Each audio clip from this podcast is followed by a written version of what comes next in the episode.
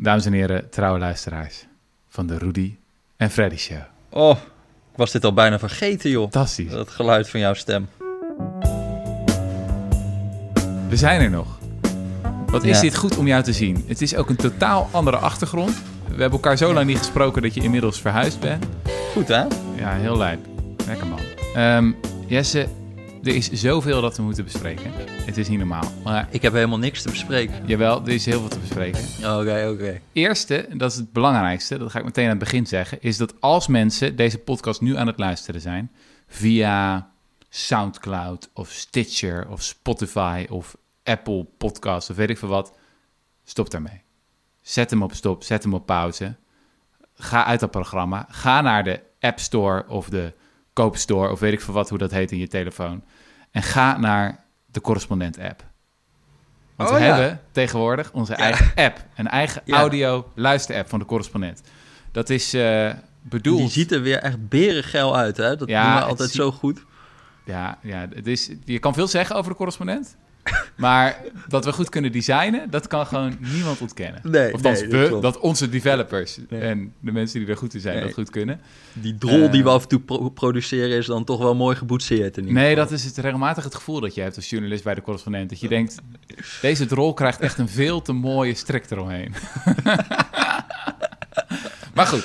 Dus ehm, zo ook de Rudy en Freddy show. Ja, dat geldt ook voor de Rudy en Freddy Show. Je kan dus naar die App Store gaan. Je kan die app downloaden. Dan moet je inloggen.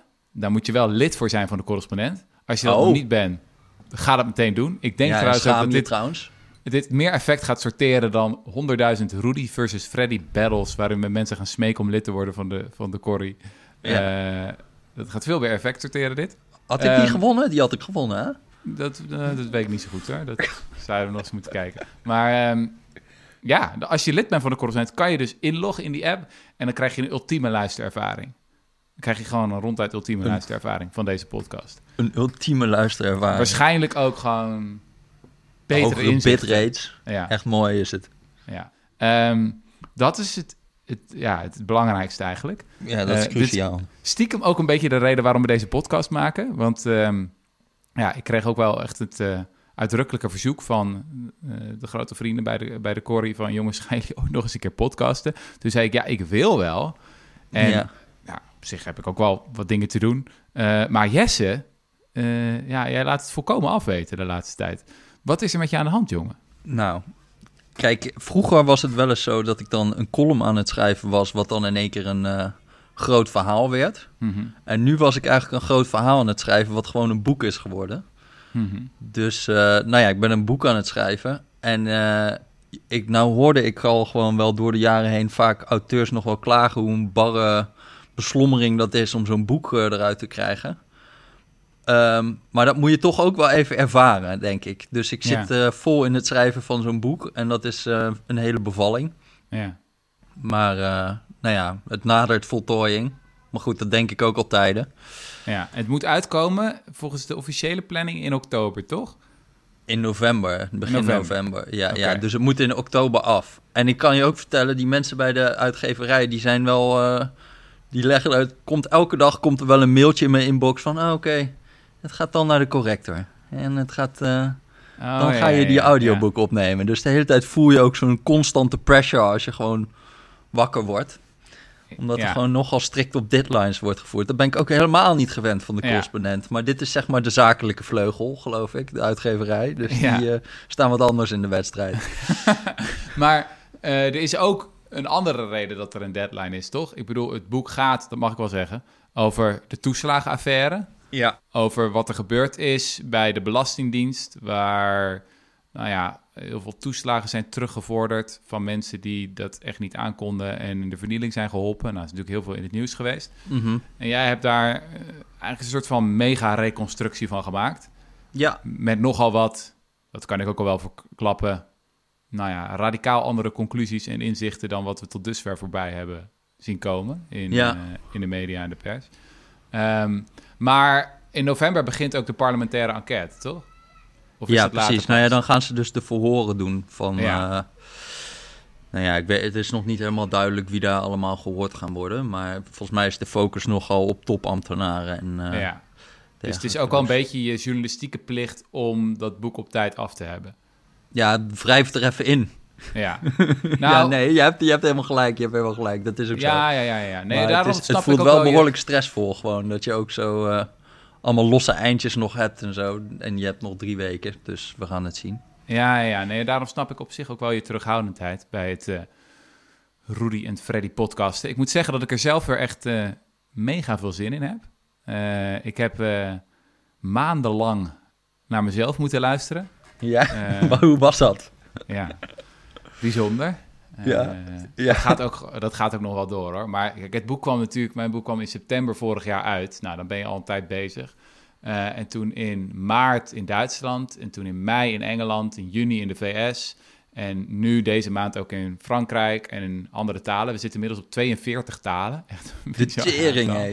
ja. Jezus. En, uh, Wat is je favoriete vertaling?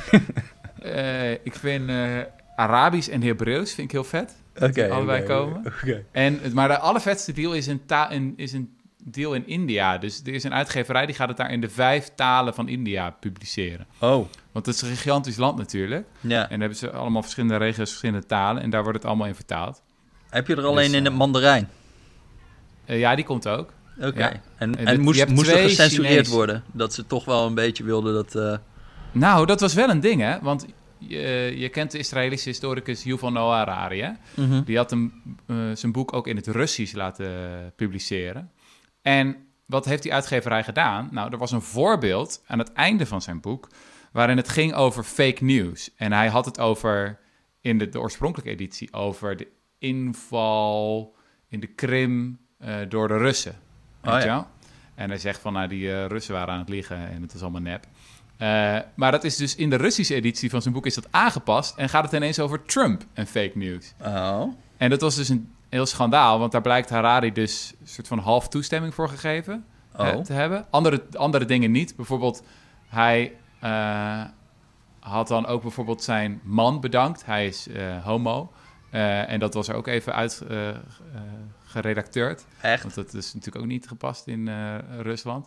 Dus dat is best wel shocking. Nou, en toen uh, was precies diezelfde uitgeverij in de running om de, mijn Russische vertaalrechten te kopen. Mm.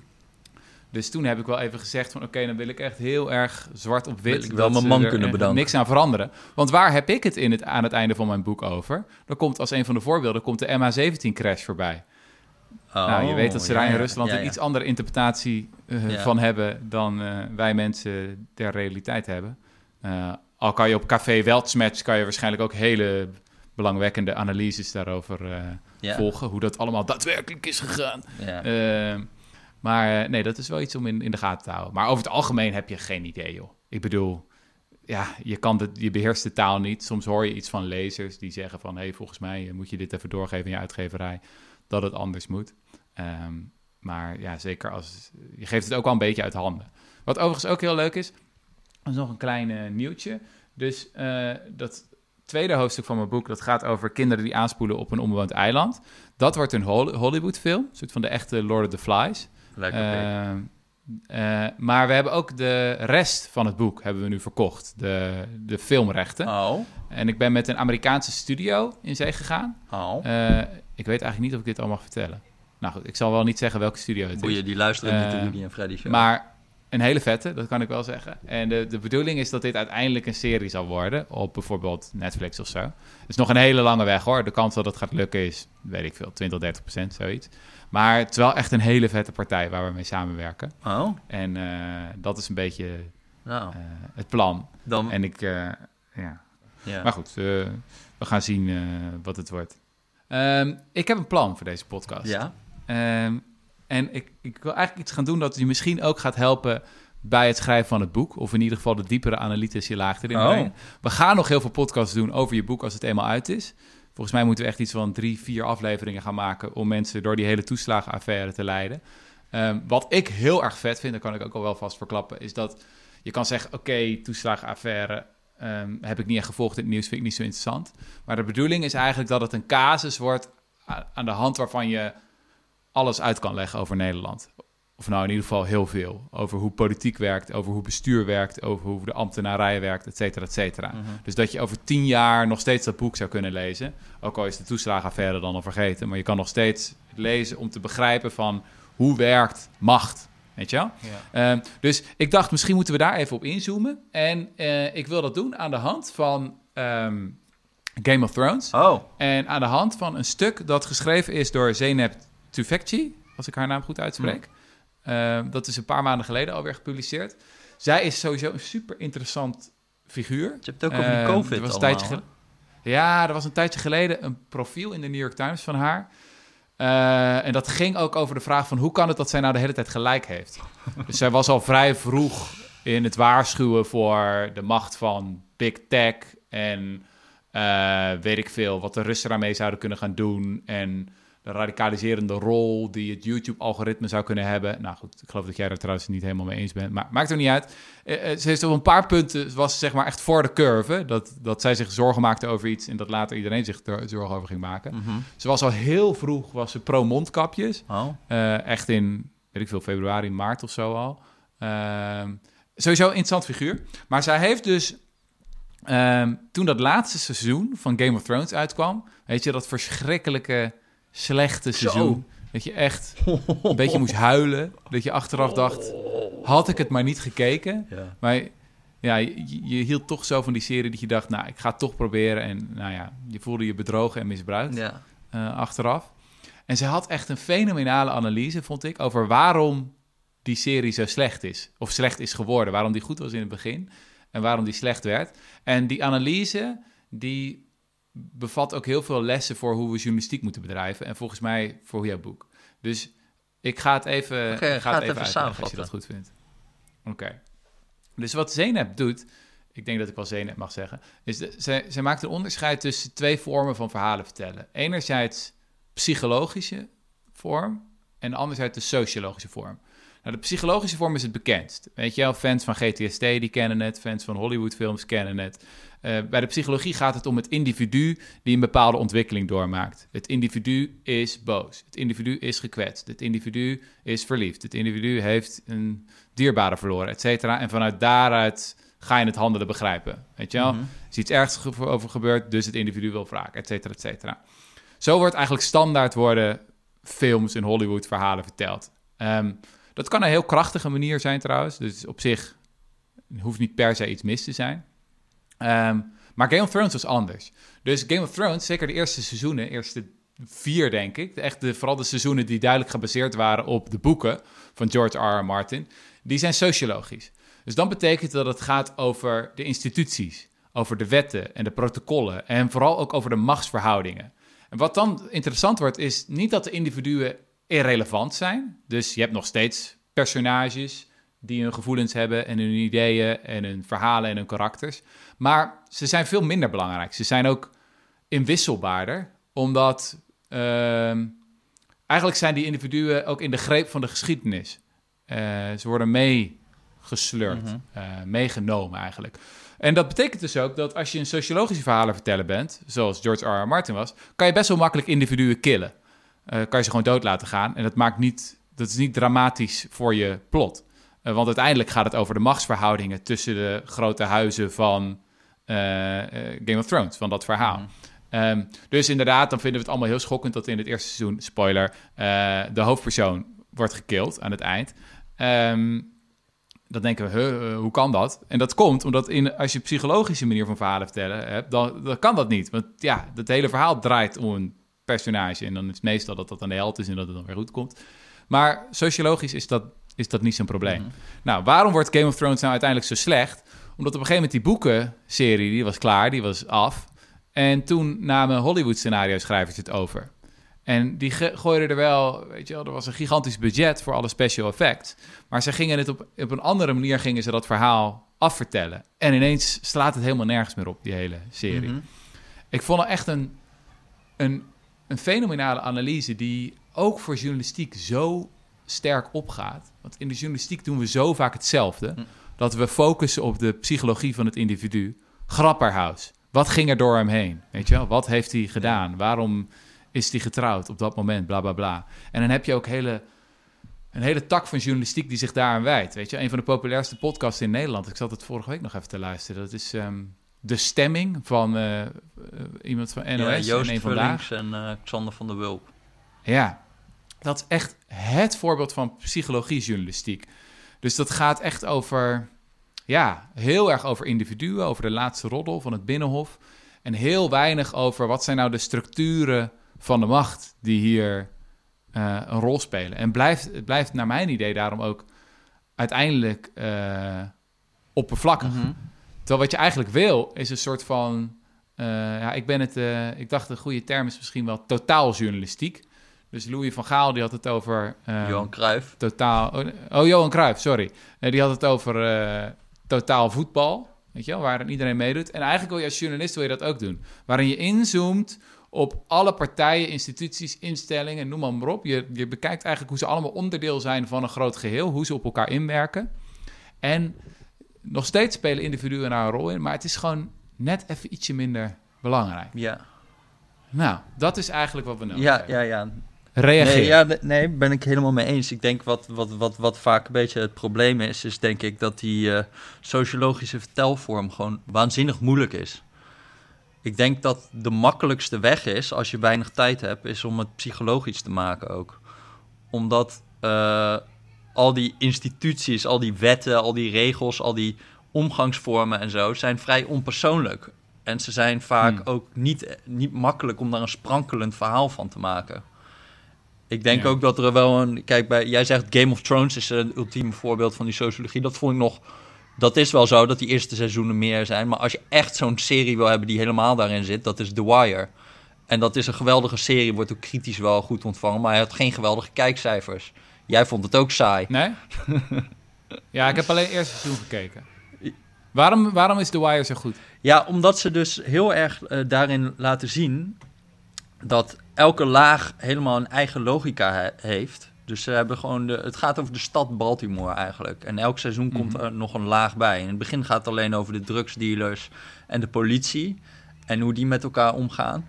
En heel psychologisch zijn al die mensen vrij uh, uh, grijs of zo. Het is allemaal niet van de good guys zitten bij de politie en de bad guys zitten bij, de, uh, bij de drugsdealers. Um, maar ja, ze hebben heel erg een soort van hoe, uh, dat, dat ze bijvoorbeeld bij die moordzaken heel erg bezig zijn met op cijfers te sturen. Dus ze moeten gewoon mhm. clearances hebben. En dat die logica heel veel invloed heeft voor wat er bij anderen weer gebeurt. En je ziet eigenlijk in dat hele verhaal de hele tijd dat mensen allerlei beslissingen nemen waarvan ze eigenlijk helemaal niet weten wat voor effect dat heeft op mensen die heel ergens anders staan. Dus heel veel mensen die mhm. doen allerlei dingen, maar ze voelen eigenlijk het gewicht niet van hun eigen beslissingen de hele tijd. En dat is echt per definitie, denk ik, sociologisch. Uh, dat het niet in een soort van direct contact staat de hele tijd. Maar dat iedereen zo bijdraagt aan zo'n systeem te maken. En dat, maar dat is moeilijk om hmm. dat goed te vertellen. En dat merk ik zelf ook wel hoor. Dat dat echt snel uh, huiswerk wordt. Het wordt heel snel saai. Ja, of gewoon uh, ja, zo, hoe zo'n hoe zo'n wet werkt of hoe zo'n ministerie werkt. Ja, daar, daar, daar zitten gewoon, ja, dat, dat, is niet, dat is gewoon niet zo smakelijk als gewoon uh, inderdaad zo'n uh, zo'n grappenhuis, wat iets wat iedereen direct begrijpt of zo. Dat is het ook. Iedereen begrijpt, uh, denk ik, psychologie direct. Maar ik denk dat als je het begint te hebben over. nou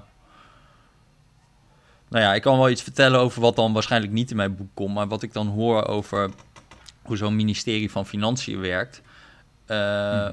Wat daar bijvoorbeeld een grappig is aan het ministerie van Financiën is dat ze aan de ene kant gaan ze helemaal over de rijksbegroting. Dus ze gaan over wat alle ministeries mogen uitgeven. Daarmee hebben ze een hele machtige functie. Aan de andere kant zit daar ook de Belastingdienst, valt onder dat ministerie. Um, en dat zijn verschillende afdelingen binnen zo'n ministerie. Dus je hebt de inspectie der Rijksfinanciën. Dat is eigenlijk het machtigste departement binnen de hele soort van overheid. Die gaan over alle, alle uh, begrotingen en over de financiën van alle ministeries. En je hebt de, de directoraat-generaal Belastingdienst, die gaan eigenlijk dat over de Belastingdienst alleen.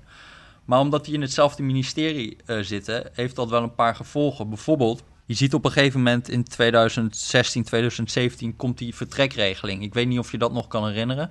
Maar toen had de Belastingdienst die had een of andere bizarre vertrekregeling uh, afgesproken, waar die helemaal uit de hand liep. Die was veel te riant, Ja, ja. waardoor heel veel mensen in één keer eh, weggingen. En dat waren ook de, een beetje de goede mensen, werd, gezegd. En in ieder geval ging die begroting van de Belastingdienst sloeg helemaal uit de lood. Dus er werd veel meer uitgegeven dan eigenlijk de bedoeling was. Een enorme overschrijding. Eh, het gevolg daarvan was, was dat ze bij de inspectie der Rijksfinanciën elke keer als ze een ander ministerie ter verantwoording wilden roepen, zei die van ja joh, kijk eens even bij jezelf. Jullie, je hebt niet eens je eigen zaakjes op orde, want kijk bij jullie belastingdienst gaat het ook helemaal fout. Waardoor een soort van sociologisch daar iets ontstaat op zo'n ministerie, dat ze extra streng gaan zijn voor hun eigen diensten, omdat die een soort van voorbeeldfunctie hebben. Uh, dus ze gaan heel streng, heel Ja, streng ja, op die begroting van uh, uh, de Belastingdienst zitten. Zo streng dat er eigenlijk gewoon de hele besluitvorming daar extreem stroperig wordt. Als er een keertje meer geld nodig is om, eh, weet ik veel, bezwaren te behandelen of ze- zeg maar wat. Hè. Eh, ja. Maar dat komt dus door die inrichting van zo'n ministerie. Omdat de Belastingdienst onder hetzelfde ministerie valt als de inspectie der Rijksfinanciën. Terwijl in sommige landen, Ja. in Zweden of zo, is dat helemaal anders geregeld. Zijn die ministeries losgekoppeld. En waardoor je weer een andere dynamiek krijgt. Maar dit is gewoon één voorbeeld, hè. Maar dit soort dingen die onttrekken een beetje aan je zicht vaak.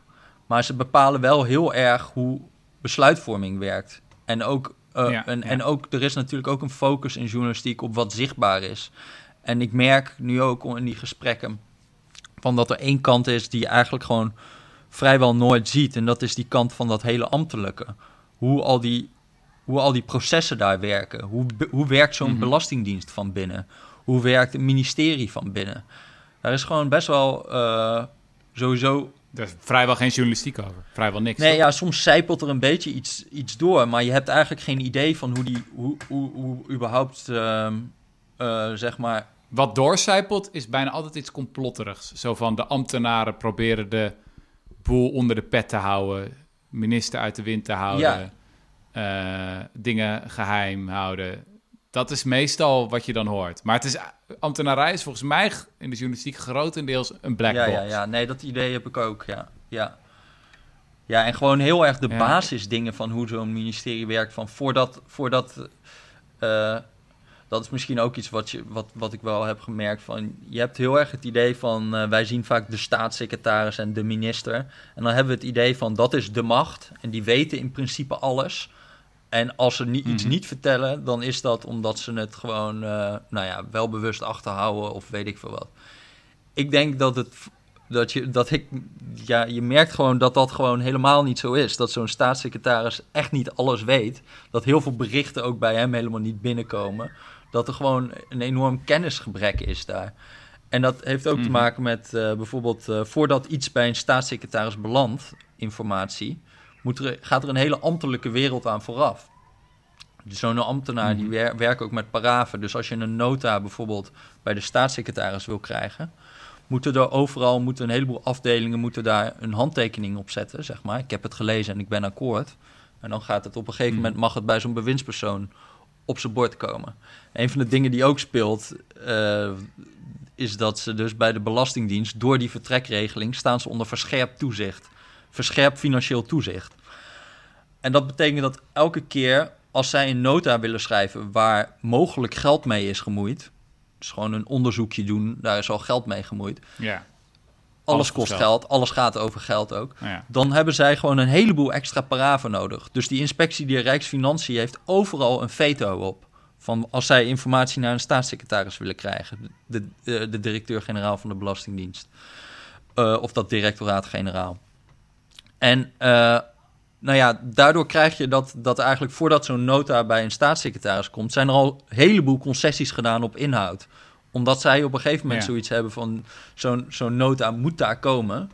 Eh, anders duurt het te lang. Maar zij kunnen het eeuwig vetoen, Ja. waardoor ze eigenlijk gaan toegeven aan dingen die die andere directies van zo'n ministerie Ja, willen. Waardoor je een soort verdunde versie krijgt van de waarheid, die dan uiteindelijk bij de staatssecretaris komt. Het is in ieder geval niet de versie van de Belastingdienst. Nou ja, dit speelt op een. Maar dit soort dingen zijn, zijn, bepalen wel heel erg wat er allemaal gebeurt. En niet alleen op die toeslagen ook, hè, daarom geef ik dit voorbeeld. Maar ik kreeg heel erg het gevoel Ja. van we missen gewoon echt zo tering veel als je, als je, niet, als je gewoon het nieuws kijkt. Van, eh, Dit soort Ja, processen. ja. Nou, ook als je doordenkt over de implicaties hiervan. Kijk, psychologische journalistiek is denk ik ook best wel vaak gewoon entertainment vermomd als journalistiek. Ik bedoel, laten we eerlijk zijn, het is ook gewoon wel leuk om te horen hoe het zit met Grapperhaus en die bruiloft en Mhm. bla bla bla. Ja, het is gewoon wel vermakelijk. Het is makkelijk, je kan er meteen invallen. Net als in seizoen van GTST of zo. Ja, je hoeft niet aflevering 1 gezien te hebben. Je kan gewoon meteen in aflevering 10 beginnen en dan kan je wel weer Ja. meedoen. Ehm, maar het betekent ook, als je meer sociologisch kijkt, dat er eigenlijk niet meer echt helden en schurken zijn. Dus je hebt nog wel mensen die dingen fout doen en je hebt echt nog wel vrije wil en verwijtbaar gedrag en zo. Of mensen die echt iets goed doen. Maar wat je vooral hebt is ja, mensen die gewoon bepaalde prikkels hebben. Ehm, dus inderdaad, je zit bij de Belastingdienst, je bent onder verscherpt toezicht en dat bepaalt je gedrag. Ehm, dus als je meer die systematische blik hebt, dan volgens mij zijn er twee mechanismen belangrijk. Eerste mechanisme is dat mensen meer gevormd worden door die systemen.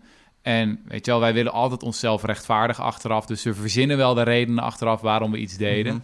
Dus stel dat je klant, cliëntmanager bent bij de sociale dienst.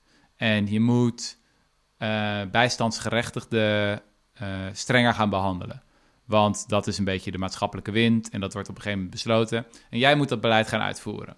Nou, dan. eh, en stel dat je het daar niet zo mee eens bent. Ja, het is natuurlijk. Psychologisch is dan de oplossing door, door toch redenen voor jezelf te gaan verzinnen. Van ja, nee, ja, het is vervelend, maar laten we het toch zo Ja. doen. Weet je wel? Het is misschien toch beter. Of je bla, gaat weg Anders is dat werk en ondoenlijk. je houdt alleen maar mensen En dat, over. precies, dat is het tweede mechanisme. Dat is het tweede mechanisme, is dat de mensen die het echt niet kunnen doen, die gaan weg.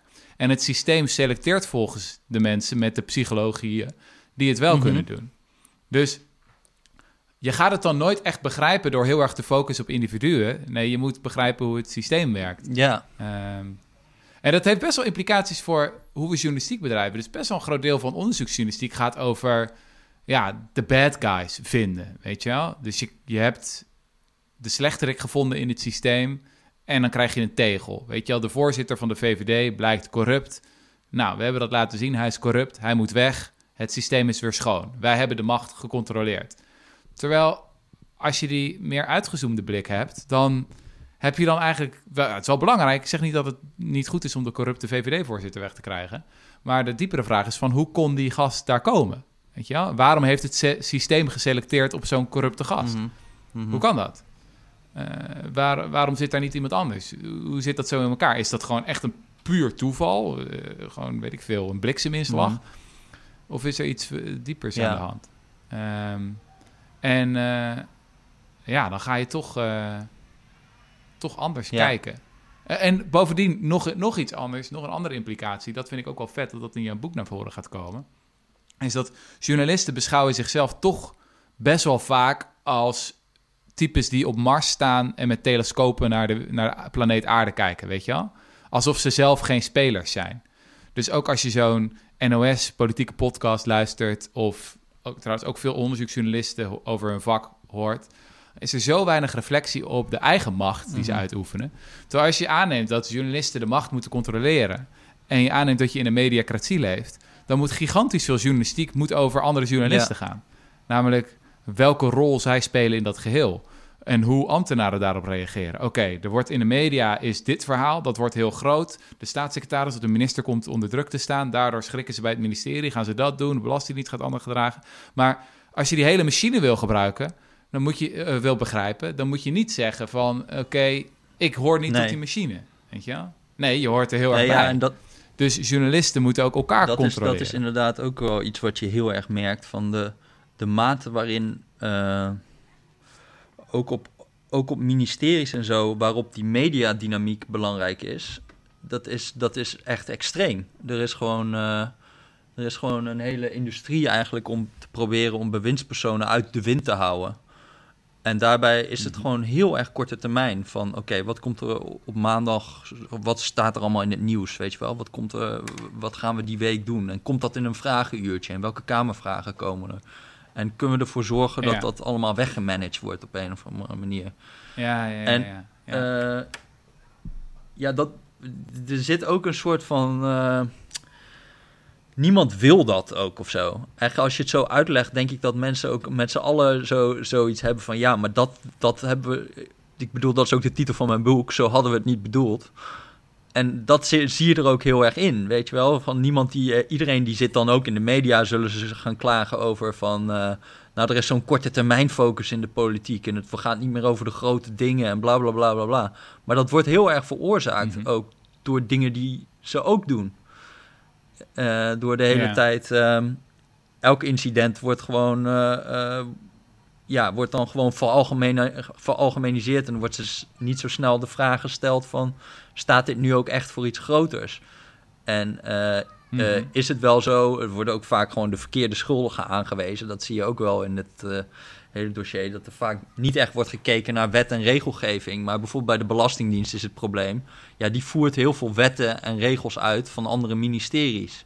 Maar omdat het gewoon Mhm. slachtoffers vaak ook boos zijn op de Belastingdienst.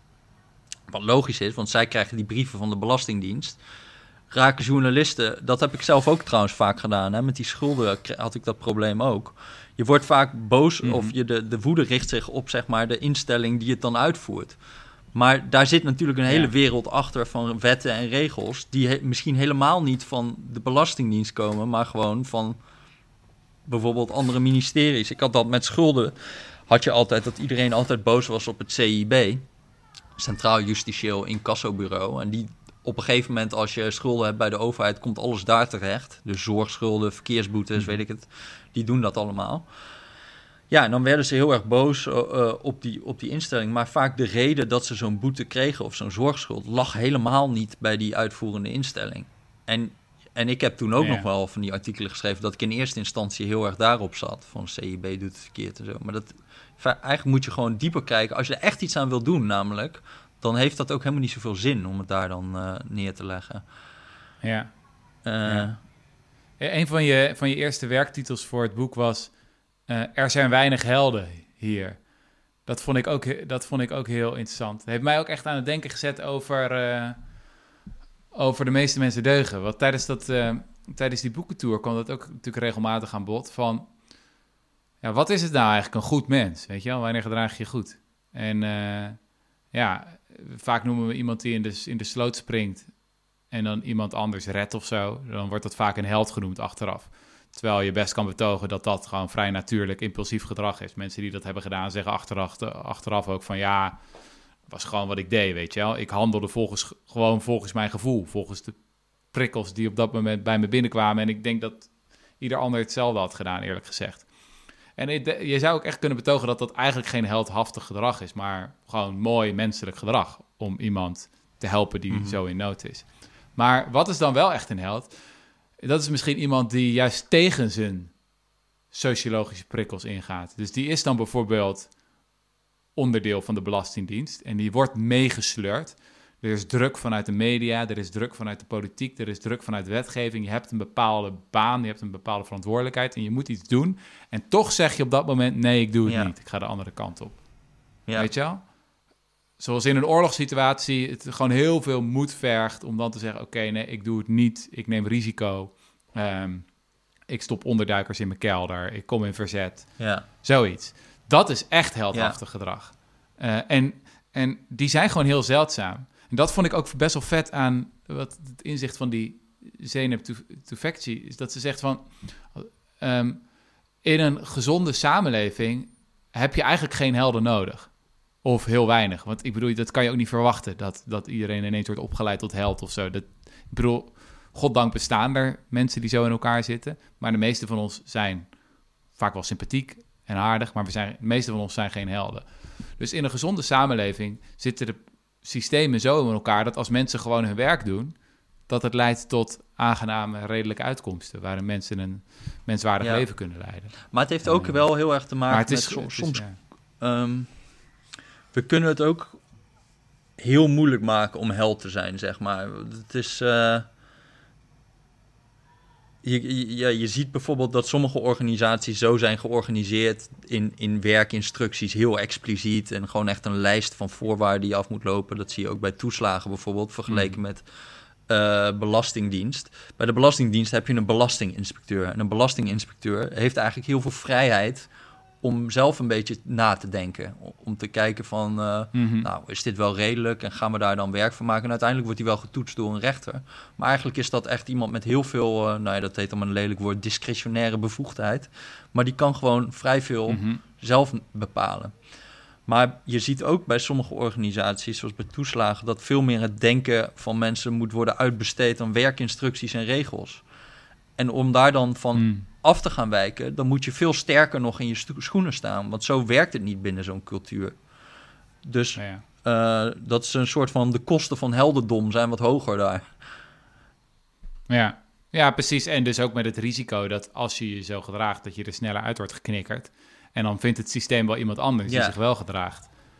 En zich wel houdt aan de regels en de protocollen. Ja, en ik denk dat we collectief wel steeds meer... Ehm, uh, gewoon, het is ook de angst dat, dat iemand zo uh, iets doet wat niet de bedoeling is of zo. Gewoon de angst voor dat er, dat er dan weer ophef ontstaat of zo. Of omdat, omdat iemand zo'n uh, discretionaire bevoegdheid verkeerd gebruikt of te soepel is of te streng. Dat zorgt ervoor dat alles juist defensief wordt en nog meer wordt ingeregeld. En dat zie je de, eigenlijk alle kanten op. Hè? Of het nou is van we zijn te bang voor fraude. Of het is van we zijn nu, nu gaat het weer de andere kant op en we zijn te we zijn te hard geweest tegen fraude. Uh, de reactie is vaak om meer regels te gaan maken en om het helemaal dicht te regelen. waardoor je eigenlijk gewoon zo'n organisatie, eigenlijk ook die mensen niet de mogelijkheid geeft om zelf na te denken. Ja. Op die manier word je uiteindelijk ook wel milder, toch? Als je met deze blik naar mensen en naar systemen kijkt. Dus oh, je ziet geen echte duidelijke Nou ja, dus kijk, het is, het is gewoon mindere of meerdere mate van verwijtbaarheid. En ik denk van, het levert in ieder, het, wat in ieder geval sowieso helpt, is om begrip te hebben van waarom mensen iets doen. En eigenlijk is zo'n hele helde en slechterik narratief is vaak geen begrip krijgen voor waarom ze iets doen. Maar begrip is niet per se een excuus natuurlijk. Van ja, ja, je kan mensen nog steeds iets verwijten, ook al begrijp je waarom het misschien in hun situatie niet totaal gek was wat ze deden. En ja. Maar dat doen journalisten, ja, niet altijd, maar we doen dat wel echt vaak met zo'n. Uh, met bijvoorbeeld de tegel, weet je, de journalistieke prijs die wordt gegeven aan mensen die dan de beste journalistieke verhalen hebben gemaakt. Ook, ook al best wel vreemd, misschien ergens dat een beroepsgroep zichzelf prijzen geeft en zelf zegt, weet je wel, jij bent journalist van het jaar dit jaar en jij had het beste verhaal hier. Een beetje ja, moet je bij zelf feliciteren. En veel van de verhalen die het dan goed doen, hebben een bepaalde, ook een media-impact gehad. Weet je, oh, jij hebt de minister neergehaald, jij hebt de staatssecretaris gepakt. Uh, ik zeg echt, ik moet niet generaliseren over, over alle journalistiek. En dit is denk ik ook echt wel goede onderzoeksjournalistieke, totaaljournalistiek in Nederland. Um, ja. Ja, weet je wat ik frustrerend vind, ook met dat hele vallen van bewindspersonen? Ik, ik zit nu ook weer in dat boek al die, nou ja, komen nog wel meer dingen langs uh, qua wetgeving die compleet gefaald zijn er zijn echt wel, echt wel echt hele mhm. domme wetten gemaakt gewoon de afgelopen tien jaar. Die ook echt onnoemelijk veel slachtoffers hebben gemaakt. Zou bijvoorbeeld voorbeeldje is die fraudewet in de sociale zekerheid. Waar je als je uh, uh, in de bijstand of in de WW zat. En als je dan eigenlijk een administratief foutje had gemaakt. Dus je had je inkomen van een, niet, uh, een inkomenswijziging niet doorgegeven. Daar hadden ze eigenlijk het onderscheid tussen wat nou echt fraude is en administratieve nalatigheid. Hadden ze gewoon de wet uitgeschreven. Uh, en daardoor kreeg je dus gelijk, mm moet je het hele bedrag aan bijstand uh, uh, moest je terugbetalen. Plus kwam er nog een boete van 100% op. Dus ook dat nog een en, en vervolgens had je dus een fraudevordering. En kon je eigenlijk de schuldhulpverlening en zo niet meer in. Omdat er werd gezegd, je bent een fraudeur.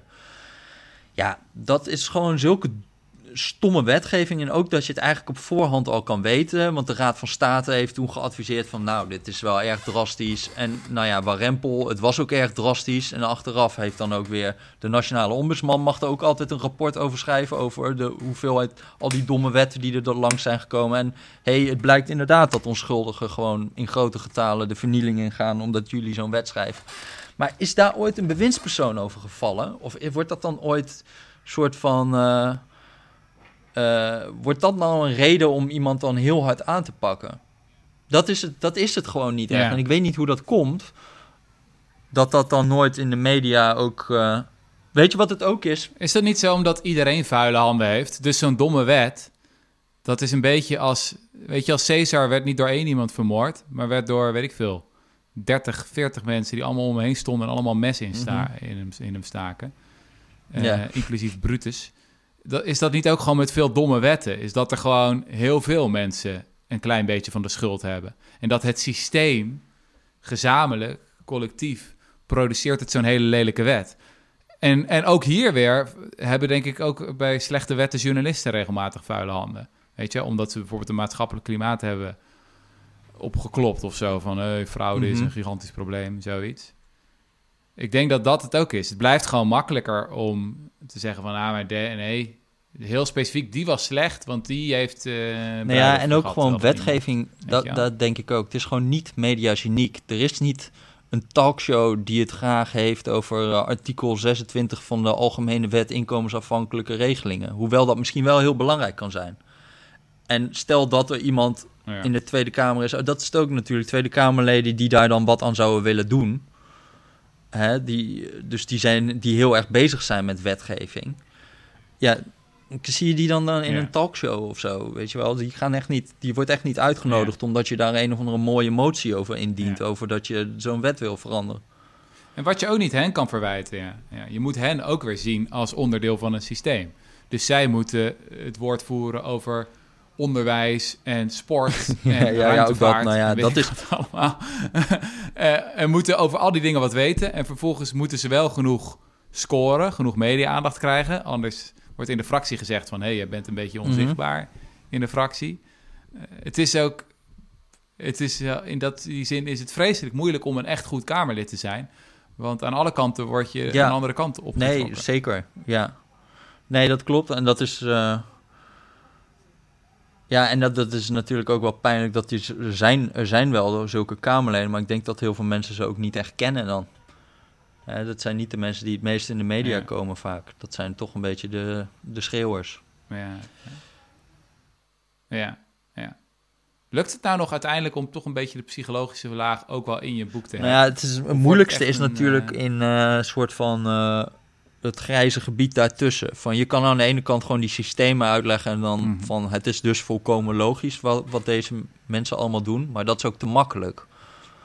Want Mhm. eh, je ziet ook Ja. wel in het verhaal dat er variatie is tussen individuen in hoe sterk zij reageren op al die prikkels van zo'n systeem. Het is niet zo dat elk Kamerlid zich zo alleen maar zo opstelt dat ze eh, voor mediakliks gaan, zeg maar. Hè, er zijn ook, daar, zijn ook, Hmm. daar zijn ook verschillen in. Dus ehm, ja, je moet ook, je, dat, dat vind ik moeilijk. Je moet er ook voor wagen dat je het niet opschrijft op een manier dat je, dat je dus iedereen een beetje verexcuseert door het maar op eh, de instituties af te schuiven. Want ik denk ook, dat is, dat is denk ik ook Ja. eh, een soort van. eh, ik denk, ik denk dat Nederland nog een beetje werkt, omdat we ook zo vaak gewoon scheid hebben aan die instituties. En omdat mensen in die, in die instellingen ook allemaal vaak bijvoorbeeld de regels gewoon buigen tot het wel weer een beetje rechtvaardig is, weet je wel. Het zegt niet zo dat elke regel die we in Ja. Nederland hebben, bijvoorbeeld, dat die ook echt wordt uitgevoerd. Goddank niet. Sterker nog, Ja. ik denk de meeste regels worden helemaal niet uitgevoerd omdat ze onuitvoerbaar zijn. En dat is ook een beetje wat er, wat er vaak Ja. ja, eh, ook, ook bij de Belastingdienst liggen er zat regels waarvan ze eigenlijk die ze heel lang ook gewoon niet uitvoeren.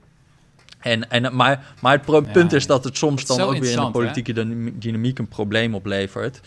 Van, eh, dat, ze, dat er dan wordt geëist dat het uitgevoerd wordt. Een mooi voorbeeld is nu die taaleis in de bijstand. Hè? Ja. Daar is dus eh, ooit is er zo'n wet gekomen van iedereen moet de Nederlandse taal eh, machtig zijn op B2-niveau. Of ik weet niet eens hoe dat zit. Anders krijg je geen bijstand. Ja, ja. Ja, daarvan hebben gemeenten eigenlijk gezegd... nou, dit is compleet onuitvoerbaar. Moeten we dan bij al die mensen een taaltoets gaan afleggen... en dan, daar, daar moeten we dan weer geld aan moeten besteden. Dat, levert ook, dat kost ons ook al meer eh, moeite... en we hebben al zat te doen, zeg maar. Dus dat, ja. En waarschijnlijk moeten we dan heel veel mensen uit de bijstand ook knikkeren. dat nog, ja, inderdaad. Dus dat is helemaal, daar, daar hebben ze ook... Dus eigenlijk elke gemeente, die, bijna geen gemeente, die voert dit uit. Behalve Rotterdam doet het nog een beetje, want die moeten altijd dat dan toch wel weer doen. Maar niemand die voert, voert die wet uit. En daardoor krijg je nu dan weer een soort van vanuit de, eh nou ja, de vorige staatssecretaris Tamara van Ark, maar de nieuwe zal dat ook wel vinden. die zitten dan heel erg eh, te sturen van... we willen dat die taaleis toch wordt gehandhaafd en zo. Terwijl de grap is natuurlijk, het is al lang wet, Ja. maar het wordt gewoon niet uitgevoerd. En dan mogen we eigenlijk heel erg blij om zijn dat dat niet wordt Heel uitgevoerd, want het is gewoon onuitvoerbaar. Ja. En eh, wat dat betreft kan je dus ook wel weer bij heel veel wetten ook de vraag stellen van ja, aan de ene kant kan je je dan weer, als ze het wel zouden uitvoeren en het zou verkeerd gaan, dan, en, en die gemeente die zouden mij dan vervolgens vertellen ja, maar het is de wet, dan zou ik dat ook accepteren. Aan de andere kant, nu voeren ze het ook weer niet uit. Dus ja, hoeveel zegt zo'n wet dan eigenlijk? Het doet ook een beetje denken aan de situatie in de VS nu. Is van, ehm, wat is een democratie of een rechtsstaat of een beschaving uiteindelijk? Als je die, als je die fundamentele vraag stelt. Als je politicologie studeert, dan leer je over allerlei wetten en regels en protocollen en instituties. En dan leer je over de scheiding der machten en een Eerste Kamer en een Tweede Kamer. En dan ga je denken, oké, dus dat is de beschaving. Dat houdt de boel bij elkaar.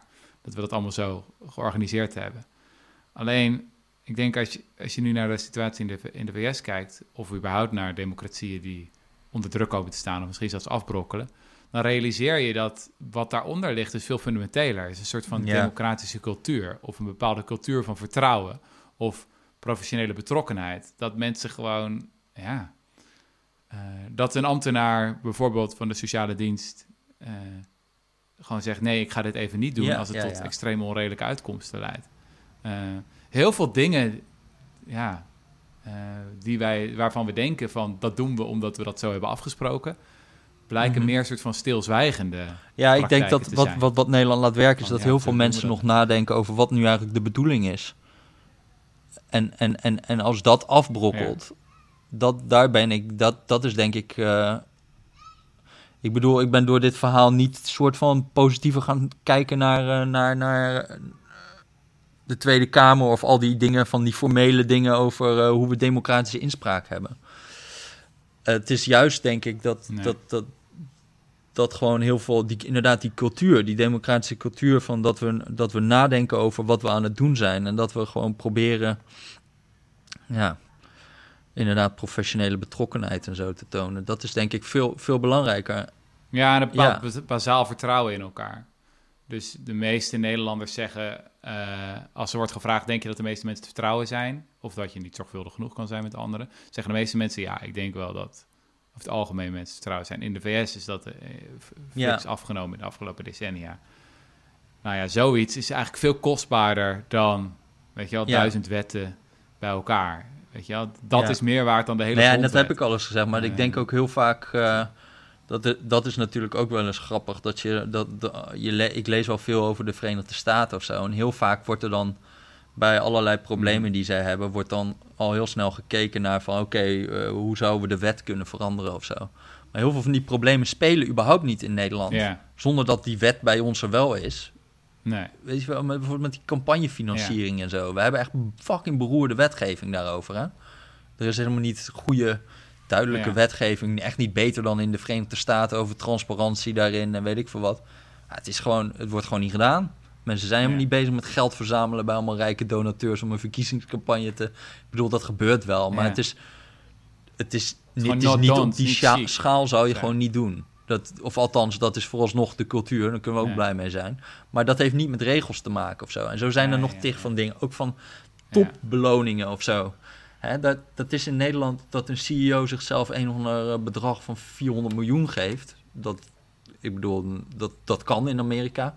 Het is niet verboden. Het is niet maar verboden, het het is wel iets waarvan je dan, dan wel echt met pek en veren gewoon het land uit wordt gedragen hier.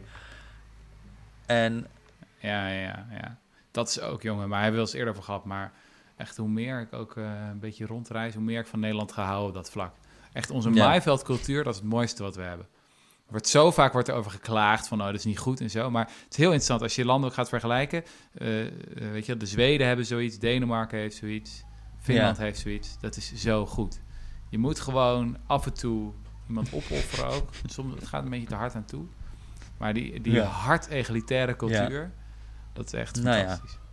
Mooie dingen. hey, eh, Jesse, ik ga je niet langer storen. Ehm, we hebben altijd nog de traditionele vraag aan het eind van iedere podcast.